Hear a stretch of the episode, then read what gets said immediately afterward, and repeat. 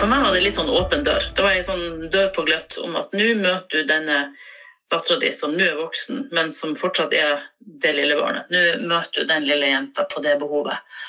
Eh, ellers så blir den døra lukket igjen eh, for alltid.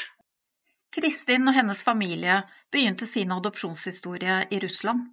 Veien videre ble helt annerledes, men mange år senere fant ut av hva som skjedde den gang. Kristin skrev boken Hva skjedde med Aleksej, og deler av sin erfaring med stort engasjement. At livet kan ta uventede retninger, kan du høre Kristin fortelle om her. Veldig hyggelig at du ville være med på podkasten Adoptert, Kristin. Takk skal du ha. Takk for invitasjonen. Du er også adoptivmamma. Eh, hva fikk dere til å vurdere denne måten å få barn på? Eh, vi hadde et barn, en datter, som da hun begynte å nærme seg skolealder, eh, fortsatt ikke hadde fått søsken. Eh, og i den prosessen med å skulle prøve å få et barn til, så viste det seg at jeg hadde en skade etter fødselen da hun ble født, som gjorde at jeg ikke kunne få barn. Jeg kunne ikke bli gravid. Eh, så da materialiserte den ideen seg ganske raskt. Eh, og det var vel noe vi hadde vært inne på og tenkt eh, tanken på. At hvis, hvis som at dersom at det var et alternativ for oss. Så, så, den var ganske moden da vi forsto at at, at det ikke ville komme barn på noen andre måter. Hvordan gikk dere videre i prosessen da, Kristin? Hva fikk dere til å velge det landet dere gjorde, osv.? Vi var jo i den situasjonen at vi hadde eh, et barn som snart skulle begynne på skolen, og som så inderlig hadde ønska seg søsken ganske lenge. Eh, for oss ble det ganske fort eh, nærliggende å tenke at vi var veldig åpne for å adoptere et litt eldre barn. Eh, altså ikke nødvendigvis en baby, men at det at eh, vi kunne få et søsken inn i familien som, som også reelt sett kunne være søsken, eh, at ikke vi da skulle få to eh, nærmest enebarn med stor aldersforskjell, det var jo et poeng for oss. Og på den tida så hadde det så vidt starta, hvis ikke jeg husker helt feil, så hadde det var, hadde vært eh, noen få år med adopsjon fra Russland. Og Verdens Barn var jo en av de organisasjonene som, som uh, organiserte det.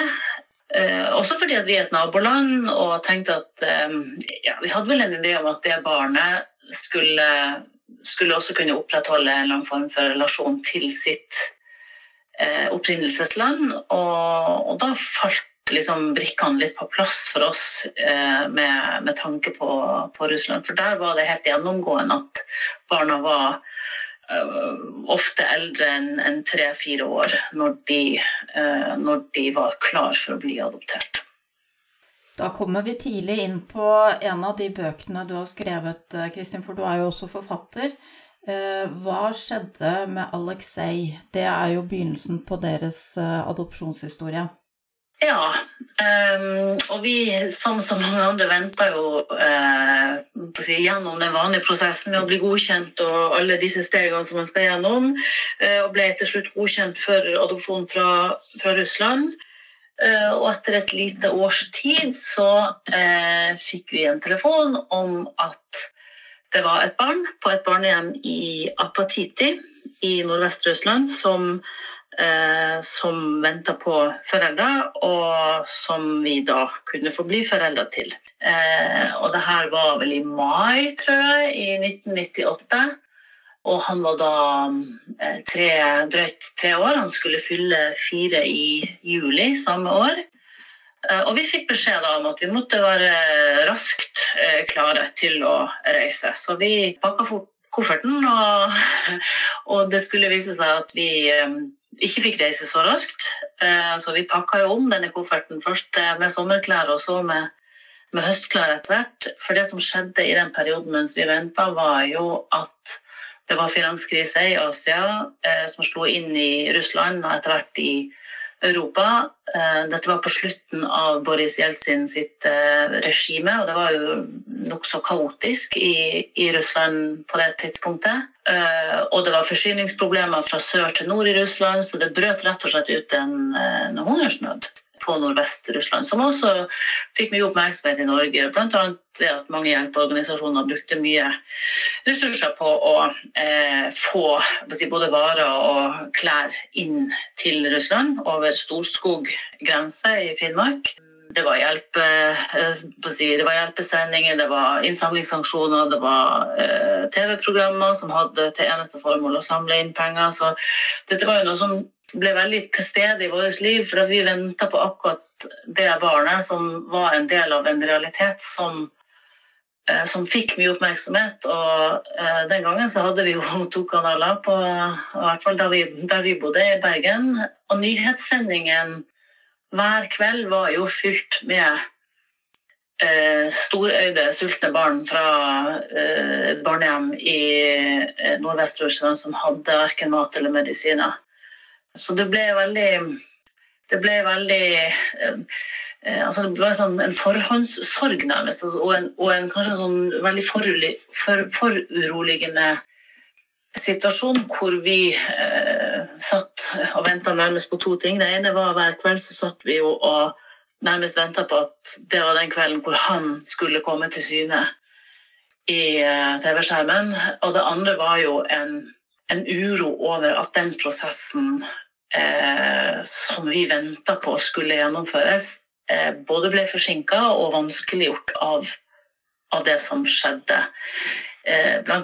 politisk og, og, byråkratisk, og også mellom Norge og Russland. Eh, der det ikke var bare enkelt heller i, i rett og slett den diplomatiske relasjonen. Så det var et sånn storpolitisk bakteppe i den adopsjonen som som eh, jo til slutt materialiserte seg i at vi fikk ikke hente den.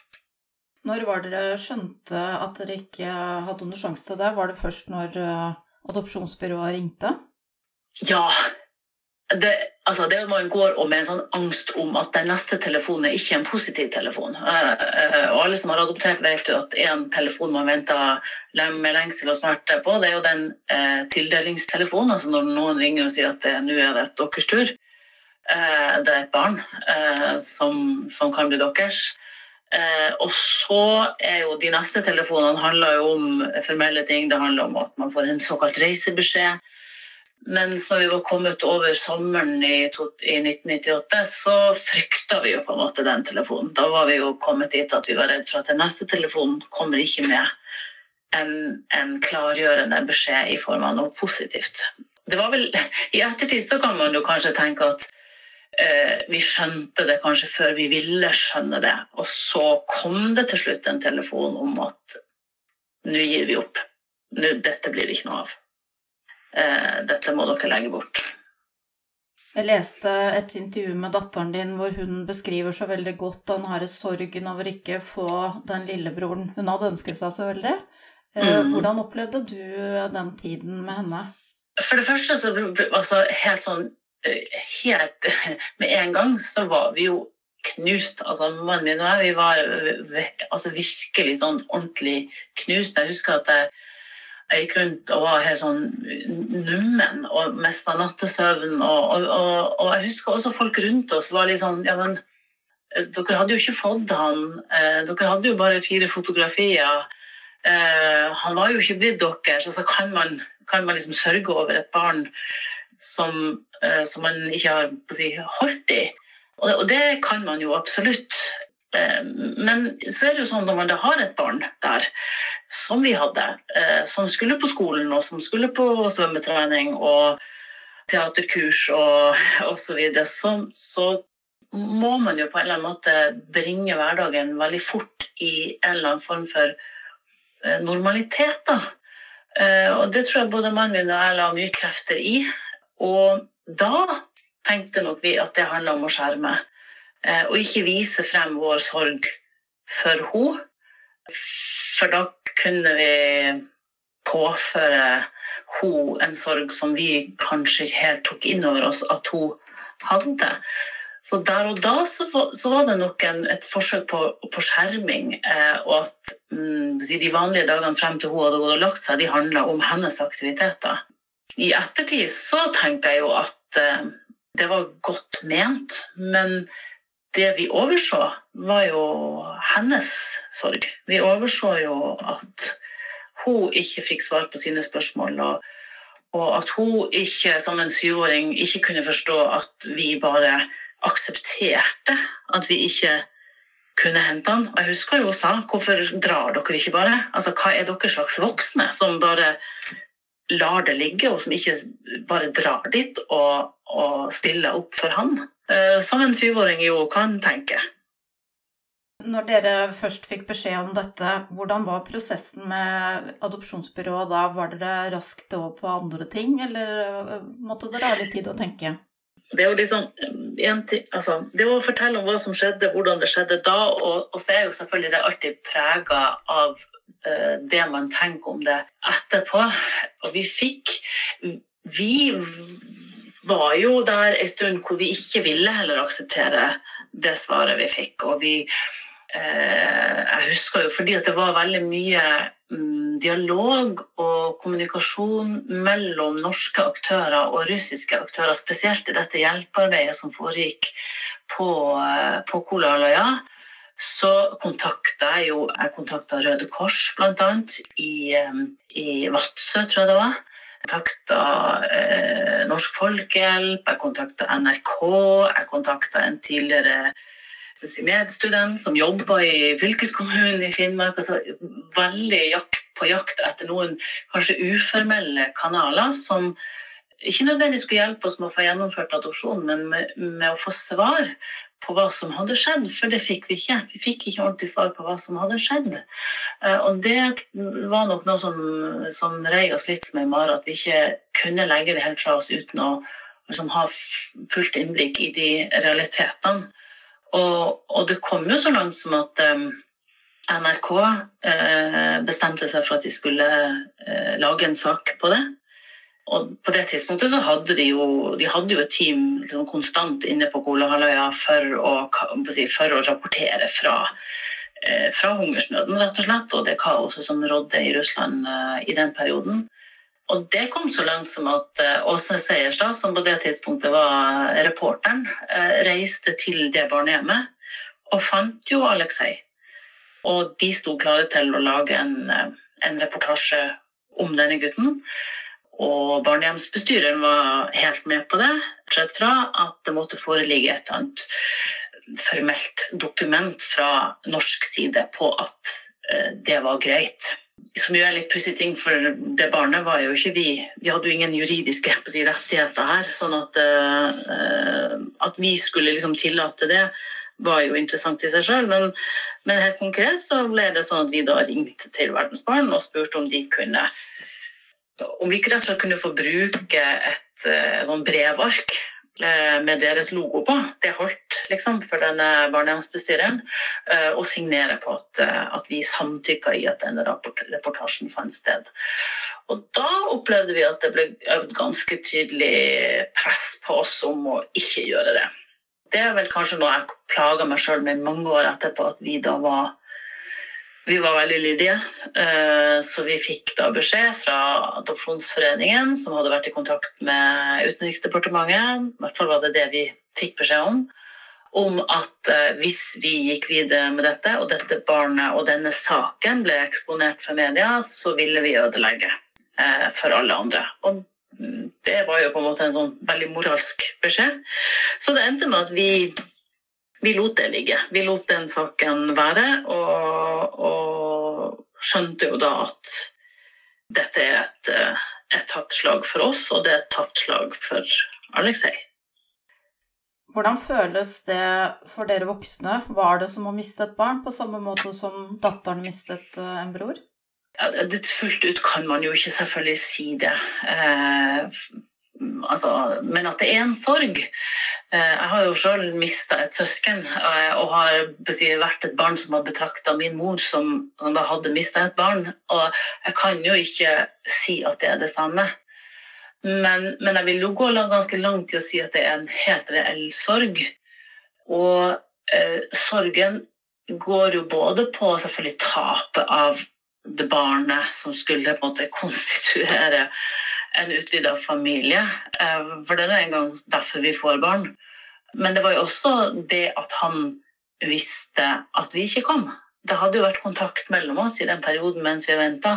Og vi hadde jo fått eh, brev eh, og bilder og beskjed fra, fra hun som da organiserte dette på russisk side, som hadde besøkt han og, og rapporterte fra besøkene. Og han viste fram eh, dette albumet som vi hadde sendt han, og det fortalte jo Åsne Seierstad til oss. Og så hun ringte jo fra barnehjemmet og fortalte at det står jeg her.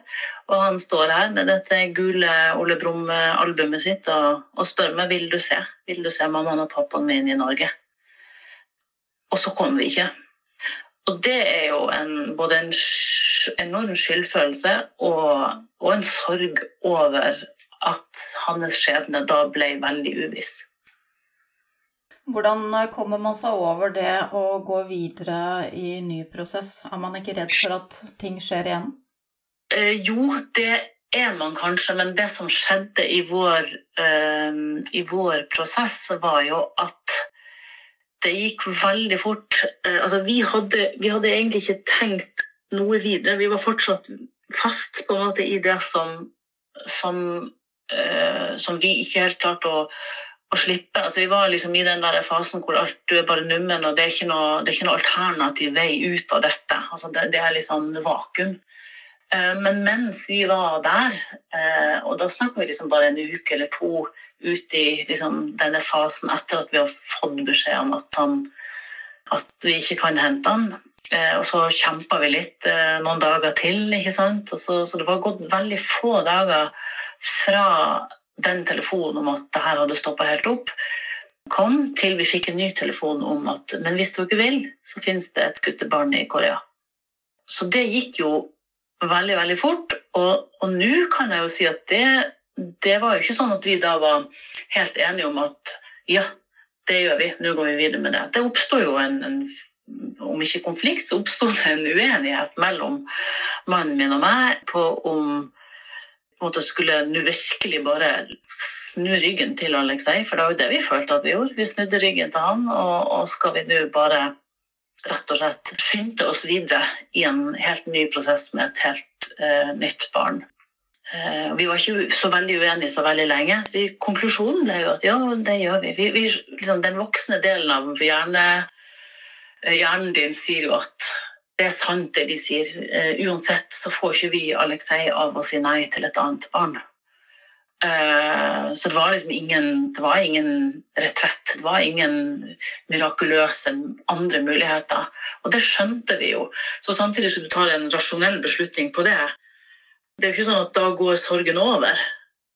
Men så er det jo sånn at i dette tilfellet her så gikk det veldig fort. Eh, så vi får beskjed i slutten av september om at Alexei ikke kommer, og 15. oktober så har vi en ny tildeling. Denne gangen er det ikke et eh, eldre barn? Nei. Denne gangen er det en eh, Han var jo ni måneder da. Mm. Eh, ni måneder gammel gutt fra, fra Sør-Korea. På det tidspunktet så var ni måneder faktisk ganske gammelt. Eh, ofte så var de jo mye yngre enn det på, på si fra Korea på, i den perioden der. Men han var født eh, eh prematurt.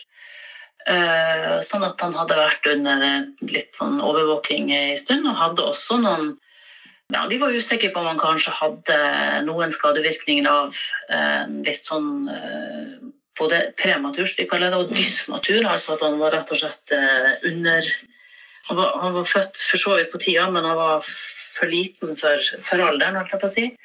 Eh, så han var lengre i fosterhjem enn det som da var vanlig, mens de på en måte fikk eh, avklart hans eh, helsemessige situasjon. da. I dette tidsrommet mens alt dette skjedde rundt Alexei, så ble situasjonen rundt han avklart. Om den ble raskere avklart fordi at vi var i den situasjonen vi var i, det vet jeg ikke. Men, men det var i hvert fall veldig plutselig et barn er klart for oss fra, fra Sør-Korea.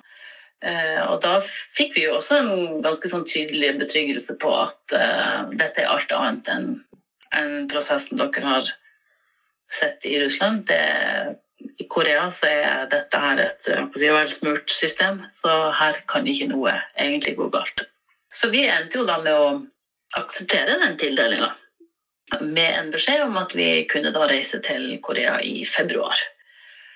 Men så gikk ting mye raskere. Eh, og det enden på visa ble at eh, vi reiste ikke i februar 99, men han Anders han kom til Gardermoen i eh, begynnelsen av desember samme år. På veldig kort varsel. Med eskorte ja. ja. Da var det en norsk-koreansk adoptert jente som var student i Korea, som skulle hjem på juleferie, og som hadde vært og spurt hos Holt om det var noen barn som som kunne eskorteres. Og da, da fikk de spørsmålet vil dere, vil dere vente til i februar og hente han sjøl, eller, eller, så kan han også komme i desember. Eh, dette her var jo da ja, Jeg tror vi fikk, vi fikk mindre enn en uke på oss. Så det var eh, det gikk, Alt gikk veldig fort fra vi ikke fikk Alexei, til vi hadde eh, Anders i armene. Hvordan var det å få et såpass lite barn eh, inn i hus når dere hadde forberedt dere på et større? Eh, ja, det var jo å tilbake til eh, storesøster, Sandra her. Så, så jeg husker det første hun sa når, når, jeg kom. Vi bodde i Bergen på det tidspunktet, og jeg reiste jo da alene til Gardermoen å hente han. Altså, det var sånn vi ikke huska lenger, men det var jo, for det første var det fryktelig Det var ikke bare å få en flybillett, liksom. Det var jo sånn Man måtte gå på reisebyrå og bestille. og så det fikk jeg da liksom gjort i en lunsjpause på jobben. Og, og, så det var ikke aktuelt at de alle skulle reise. Det var, det var, jeg som skulle dra over, og fikk ta imot han når flyet kom inn fra Frankfurt, tror jeg det var.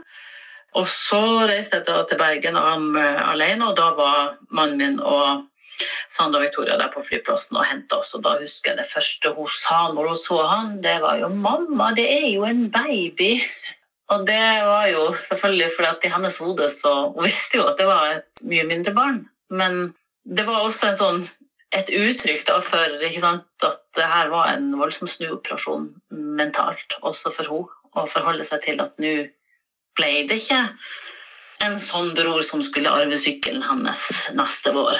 Eh, det var ikke han som skulle ligge i den halvparten av køyesenga og ha det samme sengetøyet og motivet på sengetøyet som hun hadde. Var, hun hadde jo også en sånn idé om en søskenrelasjon som jo nå ikke lot seg oppfylle på den måten. Eh, ved det faktum at dette var jo på mange måter en baby. Og datteren din glemte jo aldri Alexei. Jeg leste også i det intervjuet at hun eh, istedenfor å gi Anders eh, rommet til Alexei, så ville hun bo der. Mm, ja. Vi, og vi imøtekommer jo på det, så vi gjorde jo et rombytte. Vi skjønte vel sikkert sånn, uten at det ble veldig uttalt, så skjønte vi at det er noen ting vi eh, må eh, være, liksom, omgås litt sånn med forsiktighet. da. Eh, sånn at vi jo fikk da dette rommet. Og, og, tingene som vi hadde Vi hadde jo kjøpt leker til han, Vi hadde jo reid opp senga. Det var jo et klesskap der med ja, T-skjorter og shortser til en fireåring. Så liksom, måtte du gjøre det, si det, fysisk, så var jo det å bytte ut eh, bytte ut på en måte det opprinnelige barnet og det opprinnelige søskenet. Og, og vi hadde jo vi hadde jo engasjert henne veldig i forberedelsene til Alexei. Eh, og, det gjorde vi jo med viten og vilje. For eh, det var jo en del av mottaksapparatet sagt, når han skulle komme, at hun var engasjert i det. Eh, klart Prisen å betale for det var jo nettopp den, den endringa og den pedagogiske oppgaven lå jo også eh, det snu hun inn mot det nye barnet som kom istedenfor.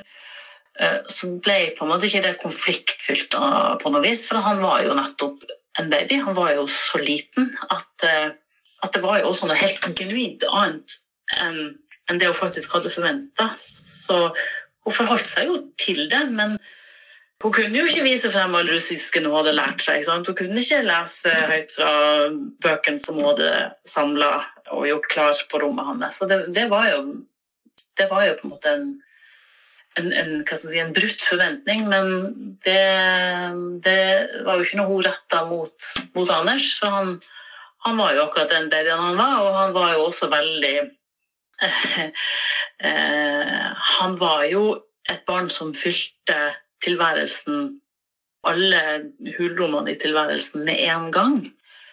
Så så, sånn sett så går jo livet veldig raskt videre når du har et barn som, som er bleiebarn, og som våkner om natta, og som har helt andre behov, som gjør at det opptar deg jo også hele tida. Og det er jo en måte å komme videre på. Det er jo, det er jo en realitet. Og etter Anders så ga dere dere ikke med Sør-Korea enda? Nei, og det, og det, og det er vel litt sånn det var jo ikke sånn at når vi begynte tanken på å adoptere i, liksom helt innledningsvis, så var det ikke sånn at vi tenkte nå skal vi jammen gå i gang med å adoptere mange barn. Eh, vi, vi, skulle adoptere ett barn, og på en måte Sanna skulle ha et søsken. Og, og, som skulle vokse opp på en måte sammen, sånn som både var si, ideen rundt dette. da, Men eh, men når det ikke ble sånn, så hadde vi jo da to barn med, som faktisk var født med ti års mellomrom. han er født i 88 og Anders i 98. Og da eh, ble det på en måte to parallelle univers på sett og vis for de to. Og, og da tenkte vi nok at det å adoptere et barn til eh, fra Korea, det handla jo om Anders sin mulighet til også å ha et søsken. Og etter hvert så tror jeg nok vi tenkte litt over det at det å, å faktisk ha et søsken som, ja, som har en tilsvarende bakgrunn, som er en, eh, en del av det samme universet, hadde han sagt, eh, også kunne være bra for han og for de to. Og at de i hvert fall kunne være søsken. Tettere. Eh, i oppveksten enn det det moderelt sett var mulig å få til med, med, Anders og Sandra. uten at det var noe... Så Sandra var jo kjempeinteressert i Anders, men, men han var og ble ti år yngre enn hun.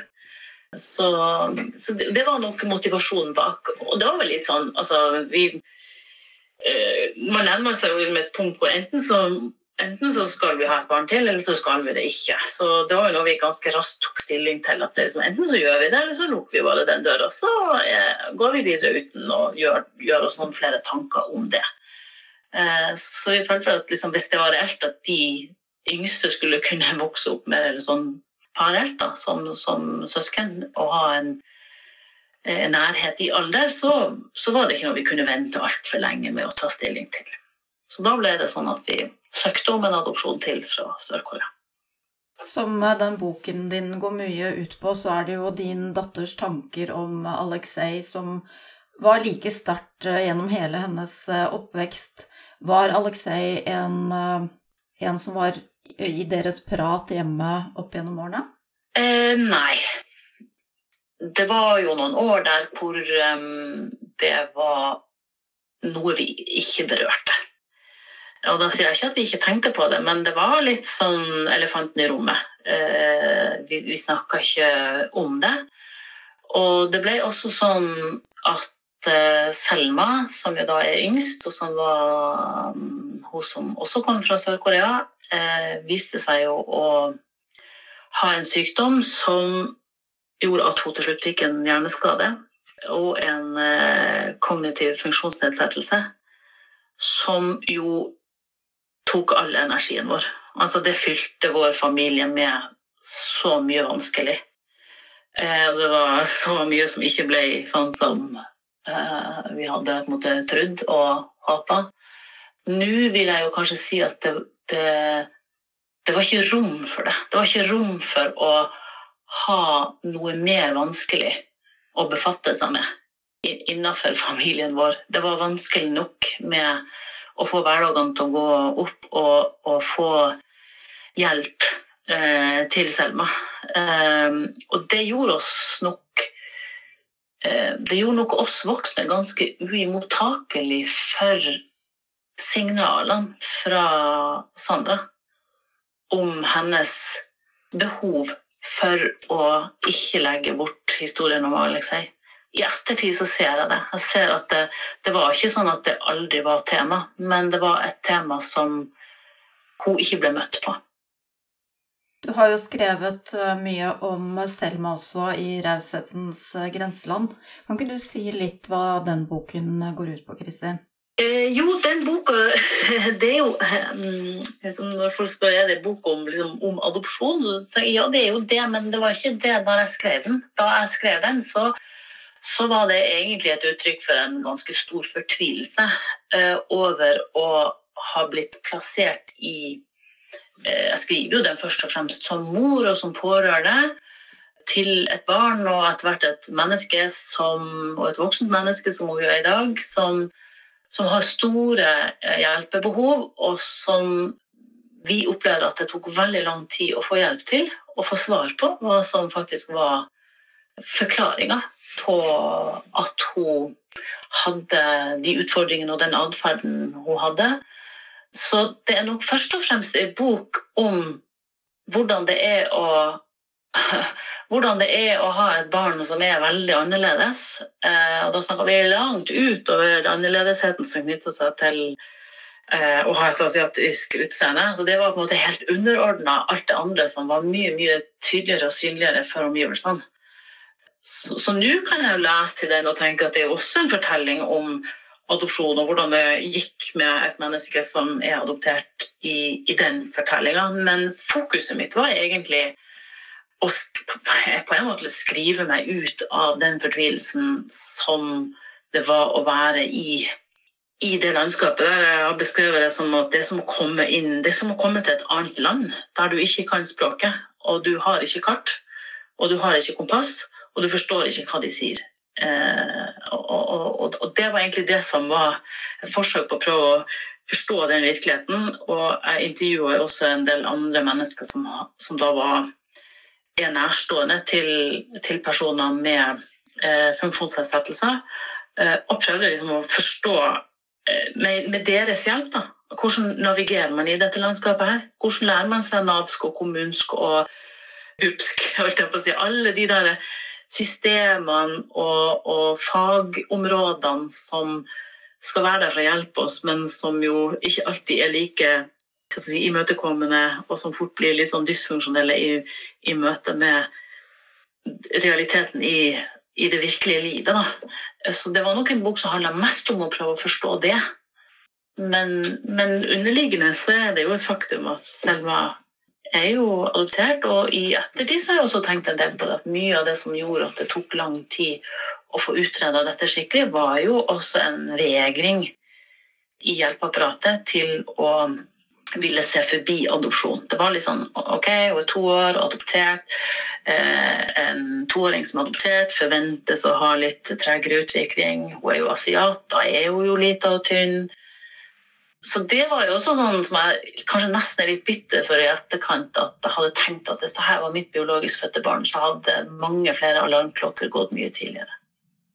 Hadde det noe med at dere ikke hadde noe kunnskap om hennes uh, biologiske bakgrunn? Genetikk og, og den slags? Ja, det, uh, for det har vi jo ikke. Det hadde vi ikke da, og det har vi ikke nå. Og vi vet jo at hun var, uh, hun var veldig vanskjøtta de første 16 månedene av, eh, av livet sitt. Eh, og det bar hun jo tydelig preg av, også når vi, eh, når vi møtte henne første gangen. Altså, sånn, da, da, var hun jo blitt frisk, mente jo de. da, så hadde hun begynt å spise, og, og begynt, håret hadde begynt å vokse ut. og, eh, og sånne ting, men, men, hun var jo veldig tufs, rett og slett. Og i ettertid så har vi jo skjønt, når legene har forklart oss det, dette her, at eh, det at hun var så underernært over så lang tid, det eh, skada jo rett og slett indre organer. Og det som skjedde her, var jo helt konkret at levra hennes gjorde ikke jobben sin med å produsere glykogen. Sånn som hvis du og jeg får hvis vi får sånn ulvehunger, som mange sikkert vet er, når du har gått litt for lang tid siden du spiste og du kjenner at du blir litt sånn skjelven, eh, så er jo det på en måte en, en reaksjon eh, på at du har lavt blodsukker. Og for friske mennesker så vil jo da levra skille ut glykogen, som gjør at du måte, tar deg opp igjen. da. Eh, og hvis du spiser noe søtt, så vil det på en måte rette seg raskere. Mens hennes lever gjorde ikke den jobben. Eh, og det er ganske vanlig hos underernærte barn. Så jeg bruker å si litt, på, litt sånn lakonisk at hadde vi møtt på en lege på legevakta som hadde vært ute med Leger uten grenser i Vest-Afrika, så hadde de visst det med en gang. Hvordan opplevde du systemet og helsevesenet, eh, i og med at dette her var jo et adoptert barn. Var det noen forståelse for at dette kunne ha noe med hennes bakgrunn å gjøre og, og forhistorie? Ja, både ja og nei. Altså, I den forstand at um, det var jo et tema hver gang. altså alle sånne epikriser som er skrevet fra alle tenkelige konsultasjoner vi har hatt nå, de begynner alltid med Selma ble adoptert fra Sør-Korea da hun var to år. Og det er jo ikke bare en opplysning, det er også en sånn type si, forklaring at dermed så ligger det implisitt muligheten for at det er noen helseutfordringer her. Så, eh, men, men, eh, men, utover det så tenker jeg at eh, det var ikke forståelse i den forstand at, at det ble tillagt noen, noen liksom hvis det, jeg, jeg, tenker at hvis det her hadde vært noe som ble forstått, så hadde man vært mer interessert i å utforske det her ytterligere. Eh, altså gått bak og sett hva, hva kan være mulige forklaringer her. Hva kan sammenhengen være her, gitt det at det her er et barn som har eh, levd under, eh, under vannskjøtsel eh, og dårlig med mat i så lang tid. Altså, å sett mer etter de koblingene, det opplevde vi at det ikke ble gjort. Altså, det var liksom sånn, hun passa ikke inn på en måte i norsk medisin. Og da falt hun på en måte litt mellom, eh, mellom ulike stoler. Så, så det, er liksom, det to, minst to løp her. Det ene løpet er jo frem mot en, en diagnose, rett og slett. Altså forstå hva er, som, hva er det som skjer. For det som da skjer når du har en sånn hypoglykemi som hun har, som det heter, det er jo at når levra ikke gjør jobben, og hun ikke ville spise, for det var også en sånn eh, feil i spiserøret. Det visste vi ikke om fra Korea. Den kom liksom frem når de begynte å undersøke. Så det er en sånn dårlig kombinasjon av at hun var motvillig til å spise, for det gjorde vondt i halsen når hun spiste pga. dette spiserøret, eh, som jo da gjorde at når hun fikk for lite mat, fordi hun ikke ville spise, så fikk hun disse såkalte hyperketotiske anfallene. Som jo gjorde at hun gikk i en sånn komatøs tilstand hver gang hun fikk et sånt anfall. Og det er jo noe som rett og slett er veldig skadelig for hjernen, og som er det som er forklaringa på hennes kognitive svekkelse i, i dag. Så, og det, det, opplevde vi at det var ikke et klart bilde. Det var, det var liksom én lege som holdt på med spiserør, og så en annen lege som holdt på med alle disse besvimelsene, og så den tredje lege som undersøkte de store mandlene. Så det var det ble liksom så fragmentert og lite helhetlig at i ettertid så vil nok jeg hevde at det, de omkostningene ble veldig dyr for Selma. For det her var jo noe som kunne vært forhindra, rett og slett. Men etter en lang kamp eh, for Selma i systemet, har dere noen gang eh, fått satt strek og gjort dere en konklusjon? Både ja og nei. altså Rent sånn eh, diagnosemessig så er jo det at vi vet, hva, vi vet på en måte hva som har gjort at Selma har blitt som hun har blitt. Eh, men så vet vi samtidig at det, hun har blitt som hun har blitt fordi det tok for lang tid Eh, å finne ut av det. Og, og, og, det er jo en veldig kjent tilstand, så det er jo ikke noe sånn at det egentlig er veldig sjeldent heller, men det er sjeldent blant norske barn i Norge. Det er det. Så det, um, det er en Ja, altså når du spør om vi har fått satt strek over Nei, egentlig ikke. Hver gang jeg er sammen med Selma, så, så, uh, så konkluderer jeg med at jeg har ikke satt strek over det. Fordi at hele hennes liv i dag er jo vitne om et veldig vanskelig liv som ikke skulle blitt så vanskelig hvis det bare hadde blitt oppdaga tidligere.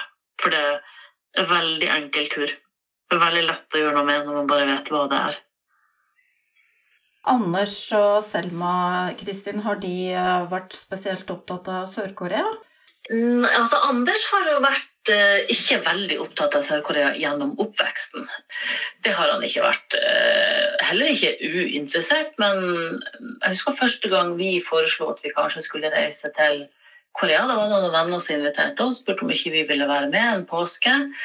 Og da tror jeg kanskje han var kan kan det ha vært da, 12-13. Og da det sånn, jeg husker, ja, skal vi gjøre det? Og sa nei, nei, kan ikke vi heller reise til New York, da?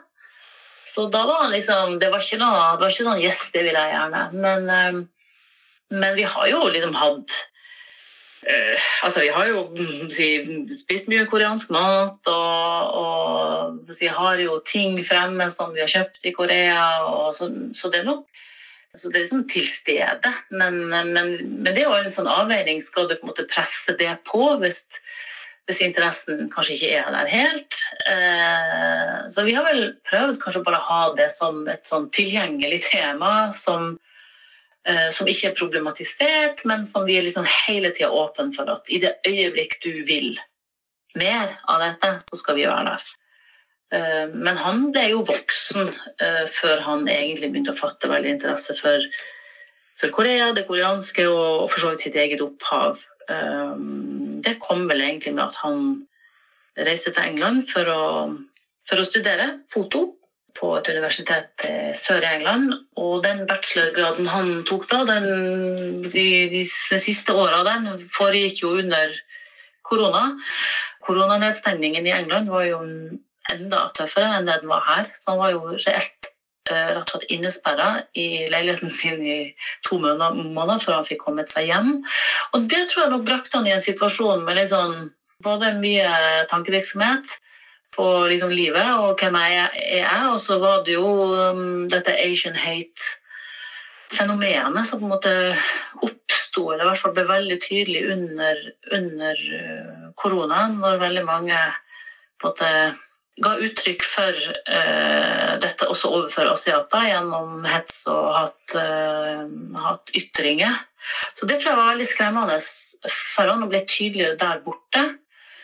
Og så, når han holdt på med denne bachelorgraden, så, så husker jeg at han begynte liksom, Prosjektet sitt skulle da være å gjøre noe på brexit og UK. Uh, og midt i det prosjektet så bare hoppa han av og så sa han nei, jeg må, jeg må faktisk finne ut hvem jeg er. Og der starta på å undersøke seg og sin opprinnelse gjennom, gjennom, det prosjektet. Så han brukte på en måte kamera da, for å se ja, inn i sine egne minner og sin egen opprinnelse og sin egen identitet. Som kanskje ble sånn Kanskje ble det litt understreka også dette med hvem er du egentlig, nettopp fordi at koronasituasjonen brakte på en måte noen utfordringer med den identiteten frem i lyset. Føler du det har vært en positiv eh, prosess for han? Ja, det er, det er så, sånn som jeg si, observerer det, så tenker jeg at det er den Det er jo en, det er jo en, eh, si, en ganske sånn bratt kurve av modning når du er liksom i de reformative voksenårene dine, hadde jeg sagt. Og samtidig så tenker jeg at det er jo kanskje bra at det var nå det kom, for at han også er han er jo også, selv om han ikke er ferdig, uh, ferdig som utvikla menneske, men at han allikevel var voksen nok til å kunne gripe om og håndtere noen av de også kanskje vanskelige spørsmålene som kom opp. Og for han tror jeg faktisk det at han er fotograf og har på en måte en, en, han har noe å kanalisere følelsene sine i. Han kan ta de bildene, han kan plassere dette i noe som, som blir visuelt. Eh, og det tenker jeg er en veldig fin si, gave for han, da, at han, at han kan håndtere det.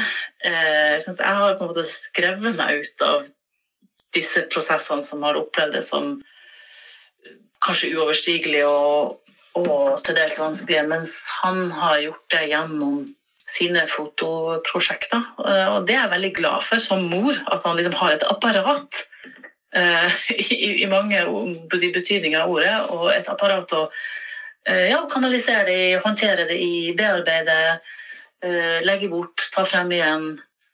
jeg tror det har vært en positiv sånn, vekstprosess, både som adoptert, men også som menneske. Og akkurat det med prosess, Kristin, for det er jo nettopp det eldstedatteren din også har gjort opp gjennom årene med Aleksej. Kan ikke du forklare litt hva som skjedde der når hun flytta til Russland? Som jeg sa i stad, vi begynte jo da fordi vi skulle jo få Aleksej, og vi visste jo at han kom til å både være trøtt og sulten og ha behov, så vi må kunne kommunisere med han om. Så vi, da gikk vi på biblioteket, og så lånte vi en sånn svær koffert med masse kassetter i, som heter Lingafon-kurs. Og så satt vi og og si, spilte og spolte på denne her om kveldene eh, sammen med Sandra. Um, og eh, vi fikk tak i en del bøker og så videre. Og filmer og sånn. Og da Anders kom og livet gikk videre, så fortsatte hun med dette her. Uh, og da gikk hun i andre-tredje klasse. Eh, og begynte da på videregående så begynte hun på russisk linje. Eh, på Katten i Bergen. Eh, og da hadde hun allerede noen år tatt eh, privatundervisning i russisk. Og tok da siste året på videregående som utveksling i, i Moskva. Og det var jo Jeg husker vi var veldig stolte av det. Og selvfølgelig var jo det sånn når folk spurte ja, hvorfor det, hvorfor russisk, så nei, jo, for at da vi venta på Alexei, så begynte vi jo med dette. Og det, det har hun vedlikeholdt, og det er jo kjempebra. Da liksom tenkte vi at ok, da kom det noe godt ut av det. da. Men det som viste seg da, ikke da, men som jeg da har lært i ettertid, var jo at eh, liksom, skyggeprosjektet hennes med å reise til Moskva og studere der, var jo at hun også var ute på en slags misjon. Hun skulle finne ut hva som hadde skjedd med Aleksej det er jo et eventyr i seg sjøl, alt hun foretok seg der borte. Og la ut på lange reiser og utsatte seg for ting som jeg er veldig glad for. Var veldig glad for at jeg ikke visste da, for da hadde jeg nok vært eh, veldig, veldig redd for henne. Men hun hadde en enorm drivkraft altså, til å prøve å finne ut hva som hadde skjedd så mange år etterpå, og, og skulle fortsatt ha svar. Og da åpnet det seg mye nytt og mye ny informasjon. Ja, så gikk det, jo, gikk det, jo, noen eh, år etter det igjen. Hun kom hjem fra Russland og uh, begynte å studere og jobbe. Og så flytta hun til Finland, gifta seg der.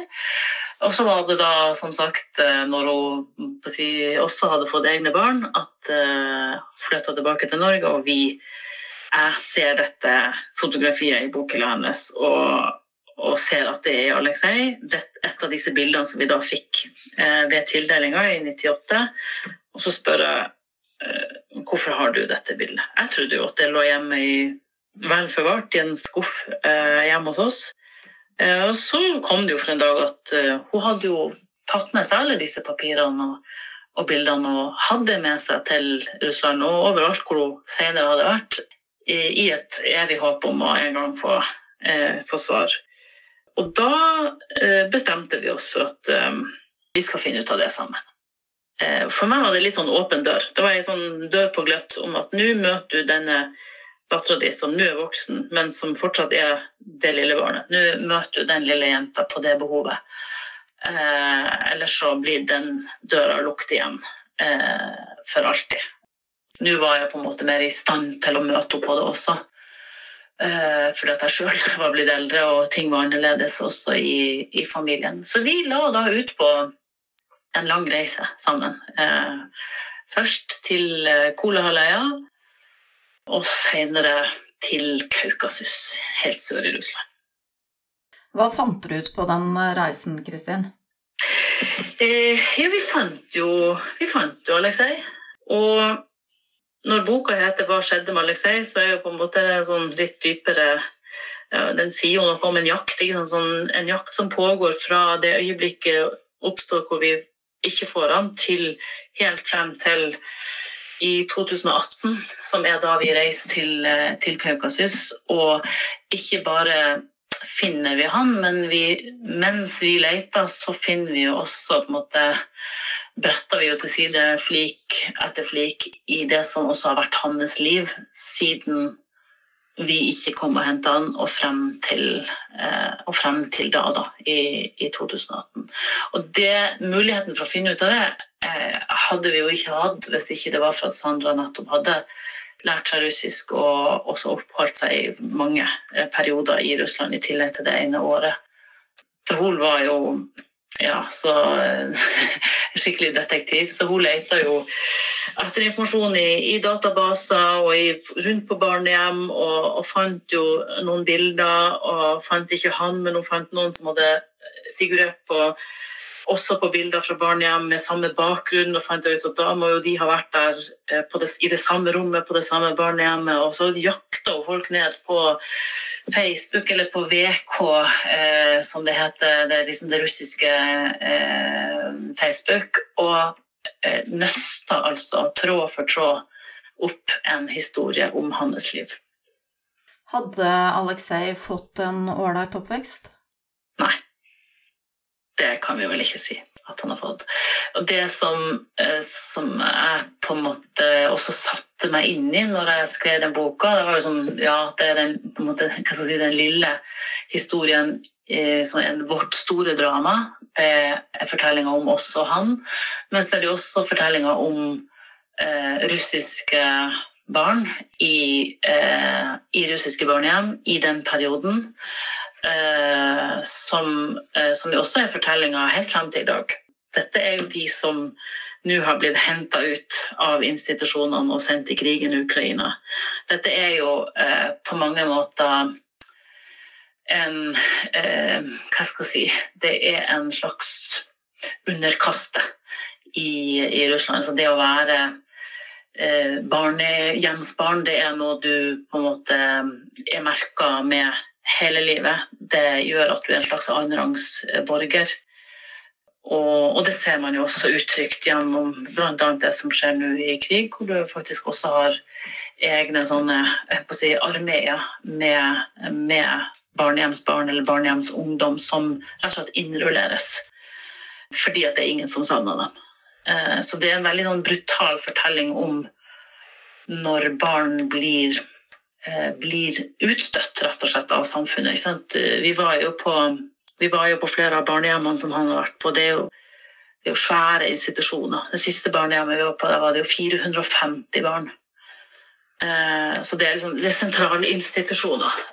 Og det er klart at mennesker som har levd hele sitt liv i sånne institusjoner, Eh, og som blir satt på gata når de er 18 år uten å si, verken ha penger eller ha betalt en regning eller kokt så mye som et egg, eh, og heller ikke har noen rundt seg som bryr seg om dem.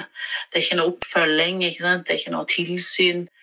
Det, det, går ikke så bra. sånn at det den historien viser, er at eh, Majoriteten går det ganske dårlig med. Eh, og de det, går, de det, går, bra med, det er gjerne de som kommer tilbake til de institusjonene de en gang forlot, og som, kommer, og som jobber der. Så det er også et system som reproduserer, som reproduserer barnevernsbarn. Og mange går det jo Mange, altså, mange blir eh, rusmisbrukere, eh, psykiatri Majoriteten av de som har levd opp på den måten de lever ganske dysfunksjonelle liv. Eh, og det er på en måte ikke noen form for rehabilitering eh, der heller. Vi har prøvd, eh, vi har prøvd å få til en eller annen form for mentor, mentorordning, eller noen som på en måte kan være, være det vi ikke kan være, fordi vi ikke er der. Og det er langt fra Asker til Kaukasus, altså. På alle måter. Både i tid og rom, hadde jeg nær sagt. Og så kom jo krigen. Så vi hadde liksom akkurat fått etablert en relasjon som nå er ramma av krig, for det er veldig vanskelig å holde kontakt også.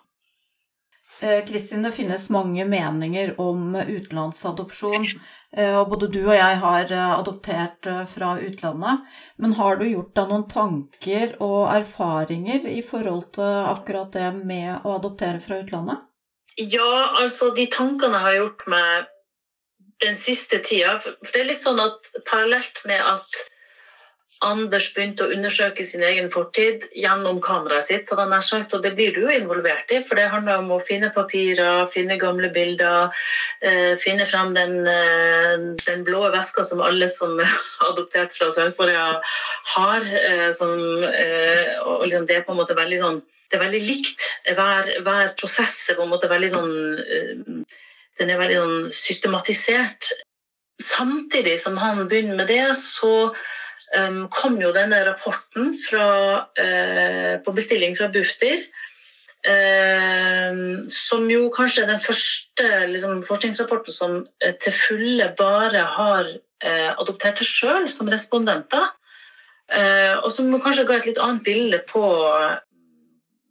utenlandsadopsjon enn det vi har hatt tidligere, hvor det mest er oss foreldre som har vært gjenstand for liksom, informasjonsinnhentinga om, eh, om utenlandsadopsjon og om hvordan det går med, med de adopterte og familiene.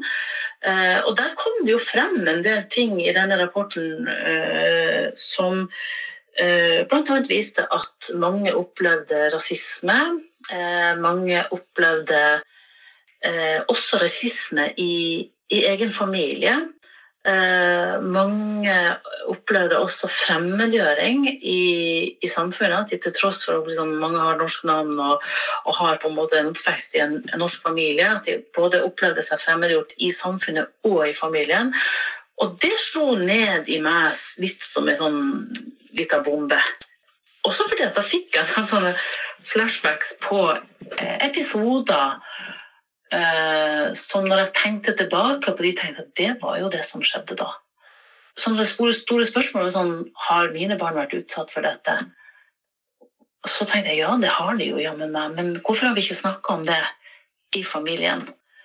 Så da fikk vi noen sånne runder, spesielt han Anders og meg, da, om både hva jeg tenkte rundt det, og hva han tenkte rundt det. Og jeg skjønte jo at ah, jeg, han har jo beskyttet beskytta oss. Eller beskytta, eller latt være å involvere.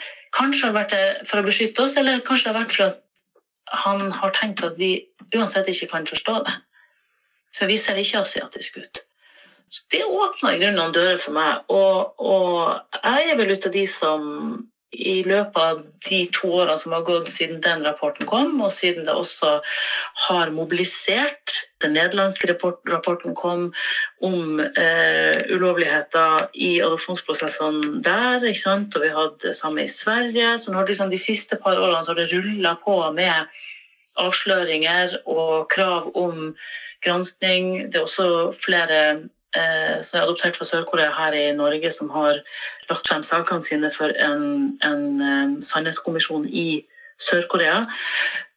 Og det har på en måte kasta ganske mye nytt lys over eh, adopsjon som sådan eh, for meg. Og jeg har prøvd å sette meg inn i både historien bak eh, og, og, hvilke mekanismer som på en måte er, har vært i sving knytta til eh, adopsjonen i sin spede begynnelse, og hvordan det fikk vokse frem i det formatet det, det ble.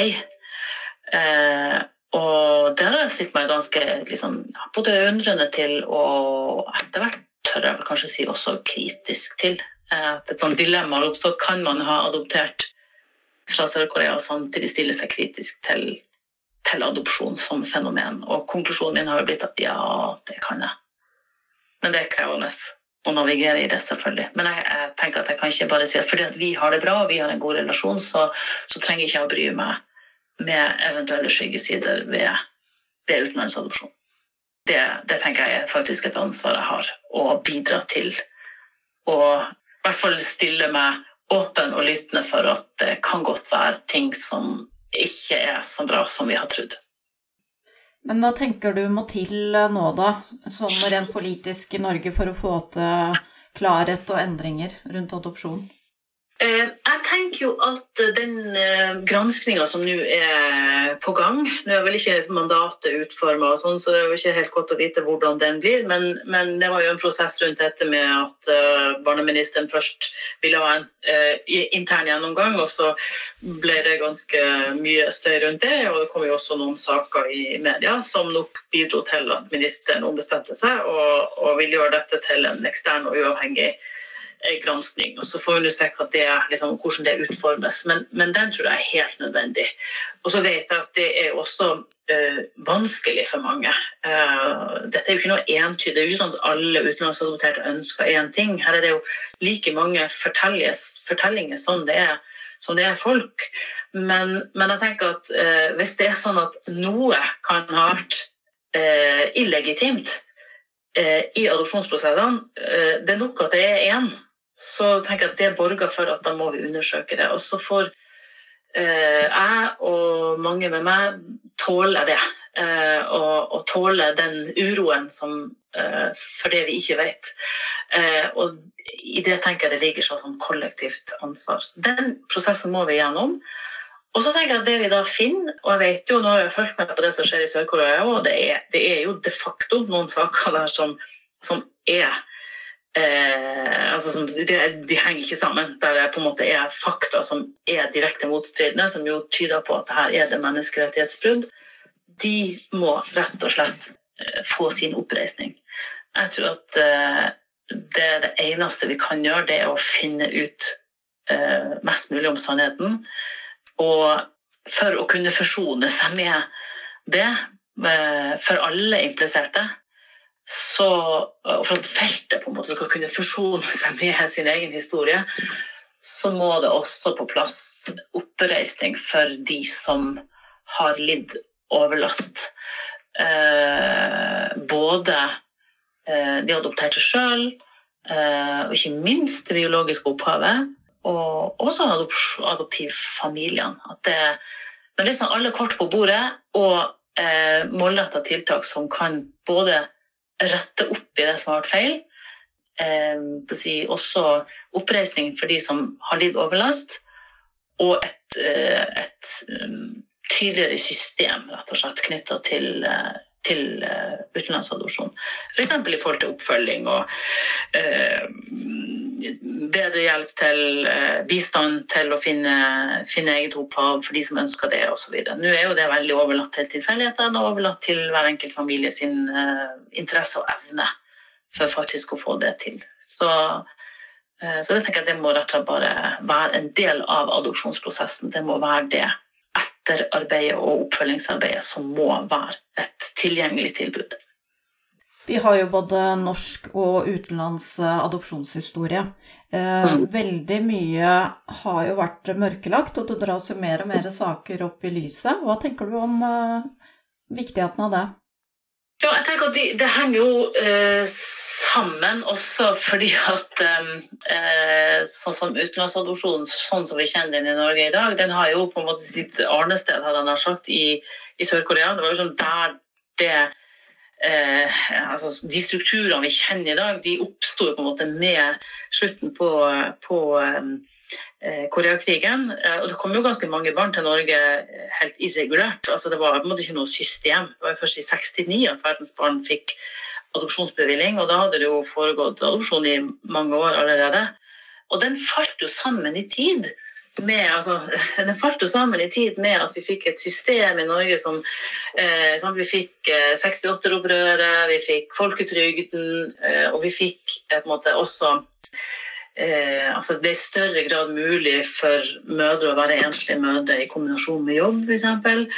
Eh, samtidig som behovet, altså, si, eh, Forventningen om kjernefamilien var jo i aller høyeste grad intakt. Så utenlandsadopsjon overtok jo eh, for mye av eh, innlandsadopsjon. Men det den også overtok, kanskje, var jo også skyggesiden av den historien. Så jeg tenker at eh, det er lett å tenke at um, nasjonal adopsjon, altså adopsjon av norske barn i Norge, eh, tidligere eh, ikke har noe med utenlandsadopsjon å gjøre. Men, men selv om det på mange måter er forskjellig, så er det allikevel en del av det samme, eh, si, de samme underliggende strukturene, nettopp fordi at utenlandsadopsjon måtte vokste frem i forlengelsen av og parallelt med med, med innlandsadopsjon. Det var vel sånn I 72 så hadde vi flere utenlandsadopsjoner enn innenlandsadopsjoner. Men det var jo ikke sånn at det var slutt på innenlandsadopsjoner av norske barn til norske eh, familier. Eh, der har det jo f.eks. vært mye mer hemmelighold. Altså at barn har vokst opp i en familie og kjent seg fremmed. Ikke på en måte leita etter, sånn som vi gjør. Jeg kan huske at jeg gjorde som barn òg. Jeg leita jo etter likhetstrekk. ikke sant? Med, jeg prøvde å se på barnebilder av mora mi, og jeg ville egentlig veldig gjerne ligne mora mi, og alle sa jeg ligna på faren min. Så at, altså, sånn gjør barn. Og det er jo veldig mange barn eh, av de norskadopterte som har vokst opp med å, kjenne på, men ikke får bekrefta. Og som har en sånn mangel av tilhørighet uten at det på en måte kan henges på noen knagger. Eh, I motsetning til barn som er adoptert fra, fra mange utland, i hvert fall, der det er helt opplagt og åpenbart at, at dette barnet er adoptert. Men jeg tenker at mye av det som er oppfølging eh, At familiene har jo i all tid knytta til adopsjon, både den norske liksom i, i, både før og under og etter andre verdenskrig, og den utenlandsadopsjonen, så har jo familien på mange måter også blitt overlatt til seg sjøl. Både barna og familiene har blitt overlatt til seg sjøl. Og det er jo masse som ikke har vært bra. Både du og jeg har sikkert vært um, utsatt for sant, en, en, en, noen forundersøkelser. Sosialkontoret som var hjemme hos oss. Og, sånn. det, var jo, det var jo, tok jo lang tid før det var noe som kom på plass. At det faktisk var en form for godkjenningsprosess eh, rundt adopsjon. Um, nå vet ikke jeg hvordan det er med oppfølging etterpå i dag, men da vi adopterte, så var det at vi måtte skrive en rapport eh, på et skjema etter seks måneder. Eh, og for å si det sånn, jeg skrev jo ingenting i den rapporten etter Selma om at det var vanskelig, og at vi lurte på om det barnet var friskt, og at vi faktisk hadde begynt å få ganske store problemer. Det skriver man ikke i en sånn rapport. Eh, så det var på en måte ikke noe apparat det, var, eh, det er fint at man tenker at barna er likestilt og sidestilt med norskfødte biologiske barn. På én måte er det bra, men, men, det som ikke er bra med det, er jo at da overser man jo også en hel del mulige utfordringer og hjelpebehov som familiene i ulik grad evner å adressere, eller tør å adressere.